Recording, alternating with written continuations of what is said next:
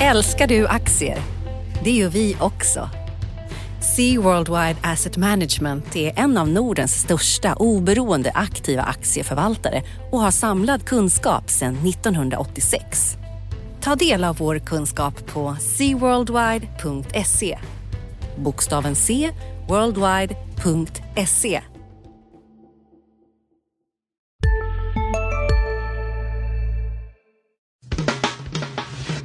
Analyspodden från Dagens Industri. Hej allihopa och välkommen till veckans avsnitt av eh, Analyspodden, Dagens Industris podd där vi diskuterar vad som har hänt och kommer hända på marknaden. Jag heter Ulf Pettersson och mitt emot mig har jag Martin Blomgren. God morgon Martin. God morgon, god morgon. Det är kulmen på rapportperioden där vi Ja, det är det. Eller ser upp, nu. upploppet, eller? Kulmen är väl toppen?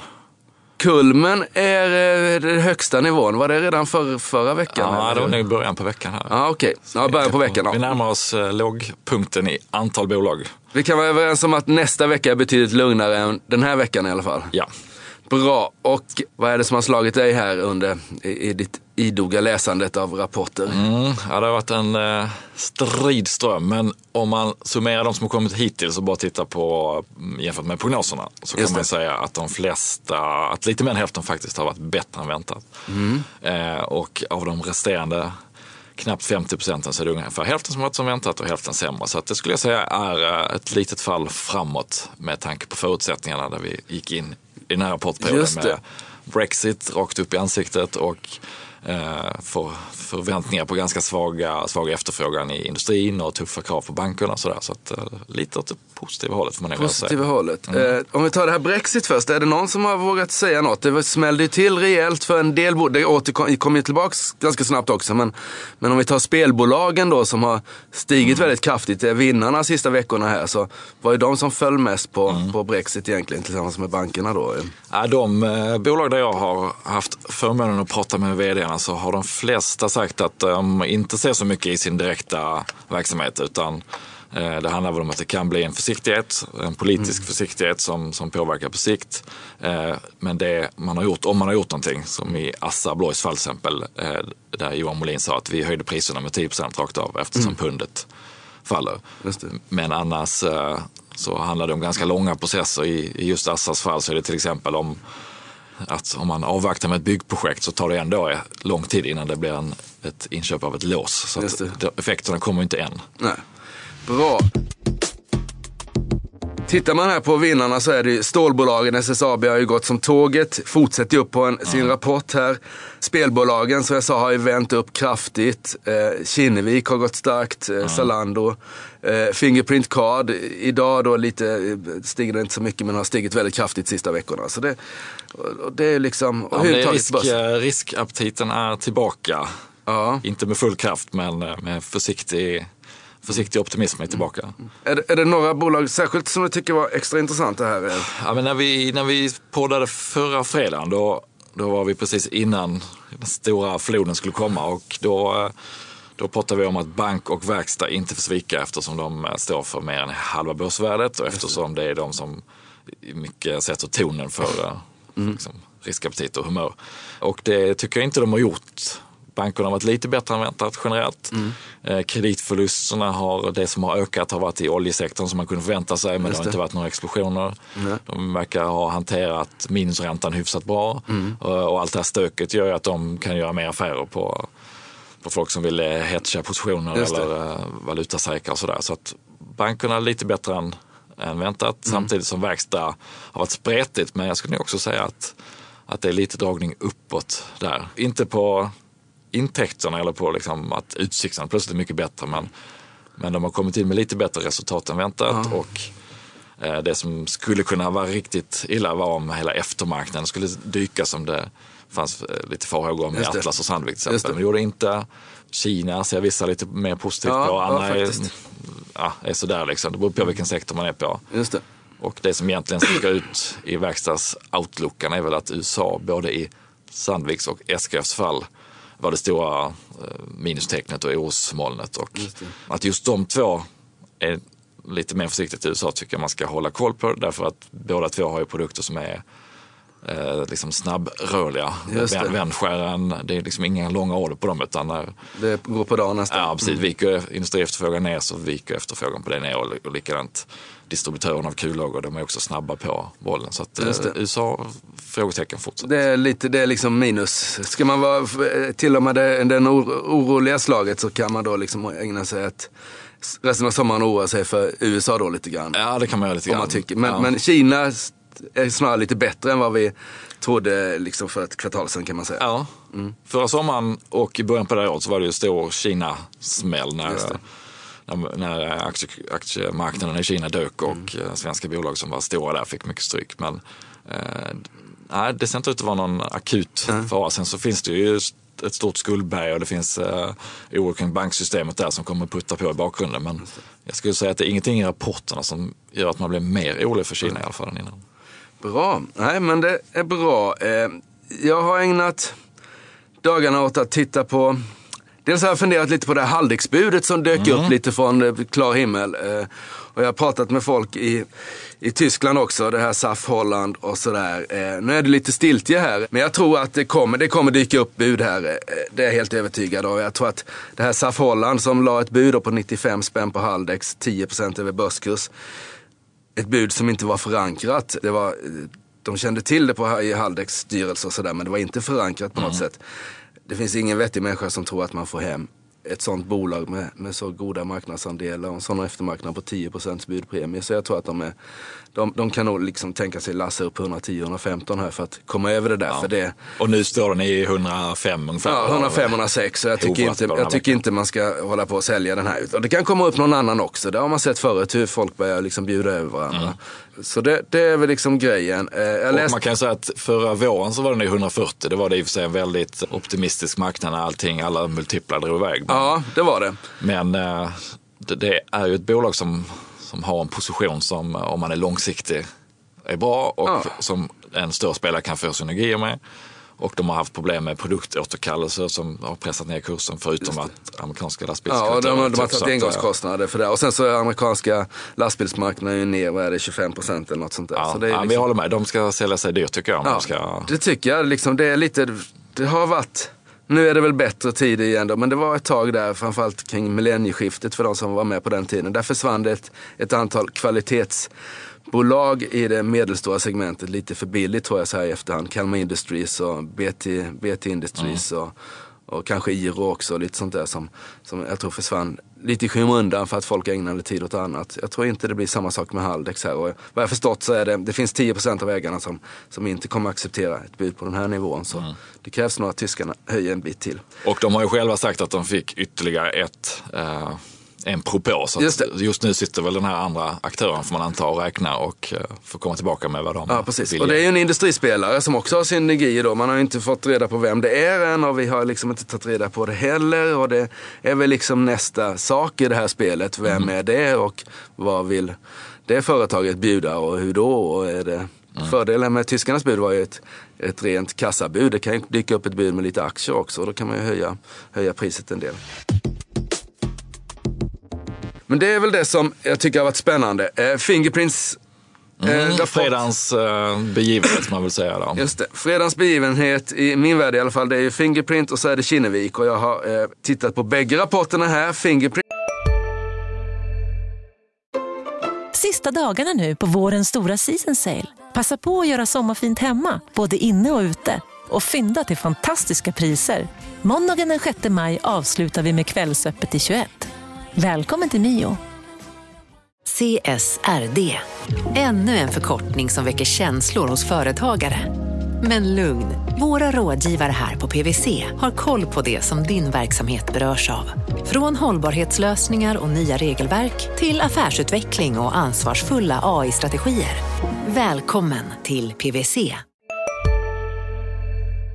Det tycker jag är faktiskt... Eh, sista två åren har ju de lyckats överträffa sina egna prognoser och marknadsprognoser. Nu kommer det ju faktiskt en rapport som är inte riktigt i nivå med vad man kan hoppas. Eh, Försäljningen är, lägre än vad till och med ABG som är då mest bäsad kring det där trodde.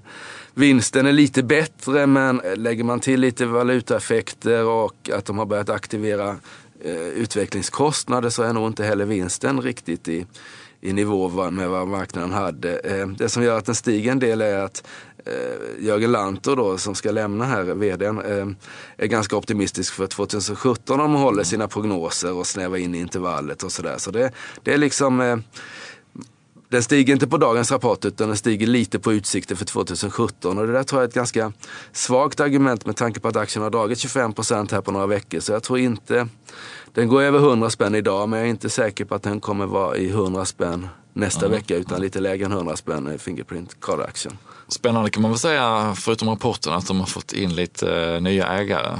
Tidigare var det ju ingen analysfirma som följde den, det var ingen av de etablerade mm. uh, ägarskarorna som ville ta den heller. Men nu är det nu ganska många firmor som följer den. Ja. Ja, Spiltan gick ju in, Just det. Uh, Gladiator om jag inte minns fel. Just det, ja, och det är spännande och det är, ju, och det är lite två Spiltan är ju känt för att vara ganska försiktiga sådär och liksom Warren Buffett. Ja stuk då på sina investeringar. Så det är ju intressant. Eh, Max Mitteregg har ju en, eh, är ju lite contrarian och, och, och gå in nu då. Han har ju, verkar ha tajmat det där bra, åtminstone om man får lita på vad han säger. Att han kommer in på 80 spänn här. Mm. Nu står den i 100, så det är en jättebra affär.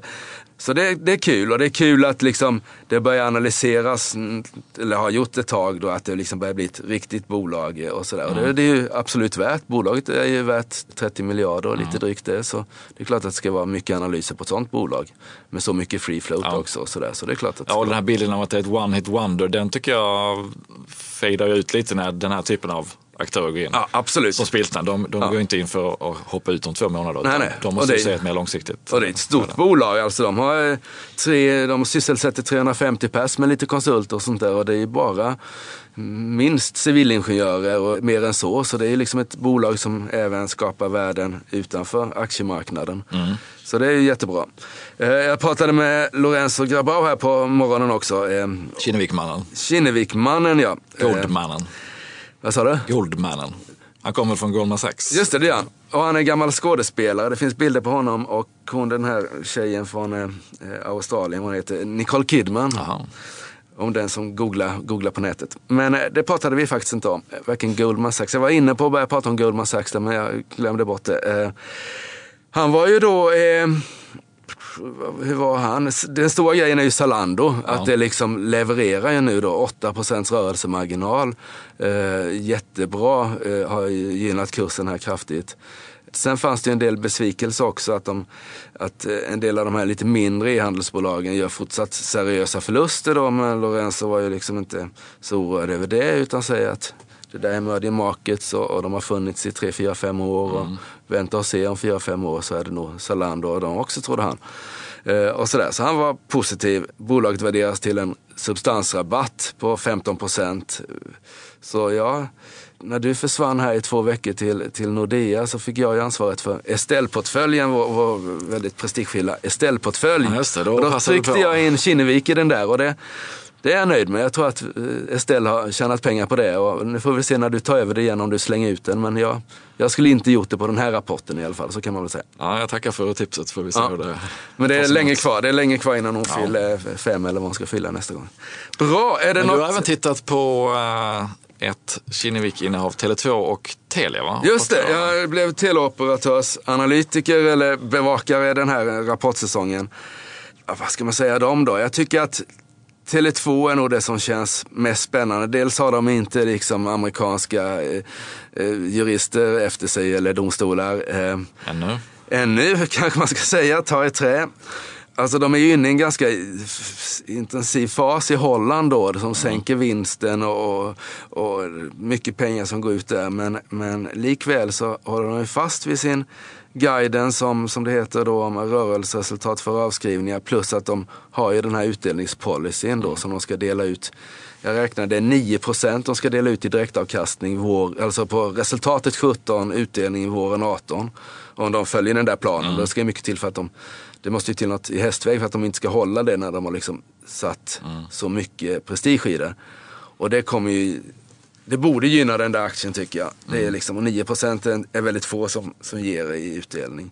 Ja, det är så, bankerna och operatörerna ja, som kan... Bankerna där, men då tycker jag nästan, då tar jag nästan hellre operatörerna. Bankerna får man se, de har ju jättemycket kapital nu då, men de har ju det här efter sig då, Ja. liksom, de ökade kraven där. Vi får se, det är inte säkert att Nordea håller sin utdelning exempelvis. Ja, det blir väldigt intressant att se på börsen tycker jag, hur det spelar ut efter när rapport, eh, rapportdammet har lagt sig här och man är i en situation där att eh, jag tror inte det blir så mycket vinstneddragningar utan tvärtom kanske lite upp eller flat samtidigt som man då har kvar det här läget efter Brexit att eh, räntorna kommer att vara låga ännu längre än Ja. man trodde tidigare.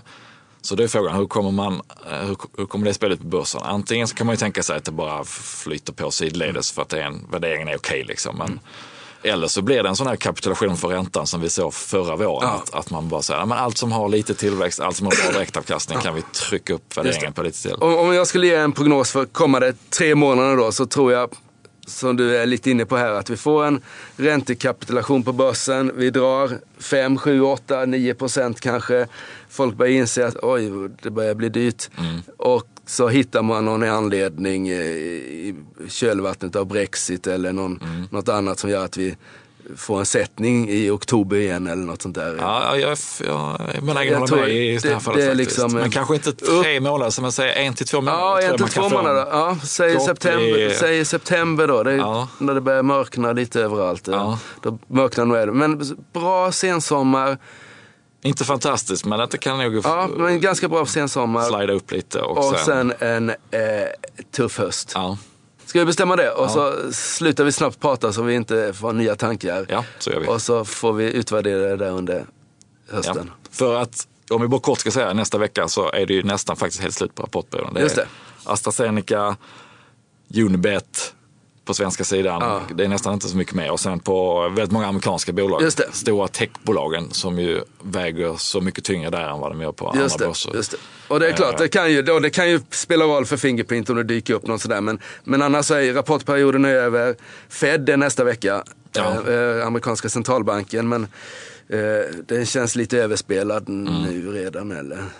Tycker jag. Efter Brexit så kommer de ju att ta det lite lugnt och sen... eh, Det tror jag. Det blir, lite, det, det, det blir om de säger någonting om Brexit som är Ja. spännande. Annars tror jag vad det gäller, det blir ju ingen, ingen räntesänkning och ingen höjning heller. Nej. Tror jag inte. Bra eh, Martin, Då tackar vi för den här rapportperioden. Det gör vi och vi tackar lyssnarna för att de lyssnar på oss. Ha en skön fortsättning på sommaren och eh, lycka till med era aktieplaceringar kanske man också ska säga. Mm, det gör vi. Det gör vi. Tack, så Tack för mycket. Hej. Analyspodden från Dagens Industri. Podden redigerades av Umami Produktion. Ansvarig utgivare Lotta Edling.